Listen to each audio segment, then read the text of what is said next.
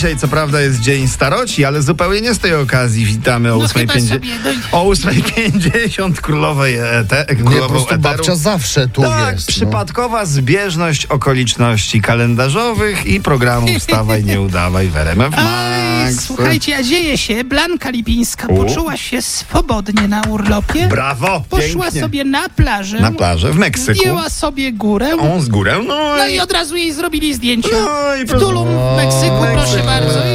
Piękne zdjęcia. Ja teraz oglądając te pocztówki z Meksyku mam wrażenie, że dostawałem widokówki z niewłaściwym widokiem.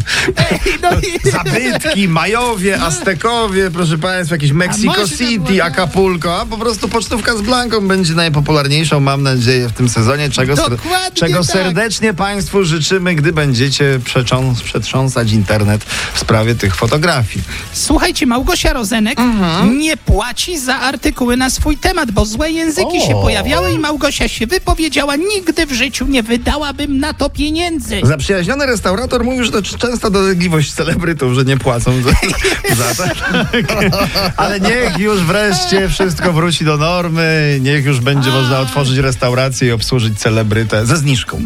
Dokładnie tak. Słuchajcie, Edyta Pazura została projektantką U. mody. To jest To nie coś. dziwi, bo bo w pandemii gwiazdy idą albo w projektowanie ciuchów, albo w dekoracje wnętrz i remonty.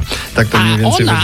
Mój drogi, połączyła jedno i drugie. A. I? Zrobiła idealne ciuchy do remontu, czyli... Dresy! No proszę bardzo. Ile tylko- kosztują dresy, przepraszam, od Edyty Pazury? A, t- troszkę drogie, bo Drogie. ponad 600 to droższe. Promocja. No, No to dlatego ekipa teraz tyle bierze za remont. Wie pani, farba tania, ale Dresy. ale dre, dresy drogie. No. Poza tym babcia, babcia dużo zapłaciła za remont, bo kiedyś No. przyjechała, przyjechała do niej ekipa i freeze.